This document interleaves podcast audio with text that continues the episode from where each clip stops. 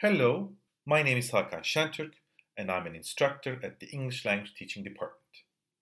I will be giving you information about the course Eden 212 Approaches English Language Learning and Teaching. The goal of this course is to familiarize students with theoretical and practical considerations of language teaching and learning.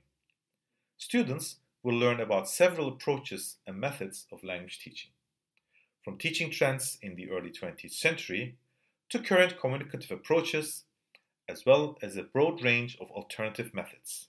For example, the total physical response, Desuggestopedia, and community language learning. The course investigates ways in which different approaches and methods can be utilized in language teaching classes in order to afford a rich learning environment. Participants are required to give practical presentations about different teaching methods.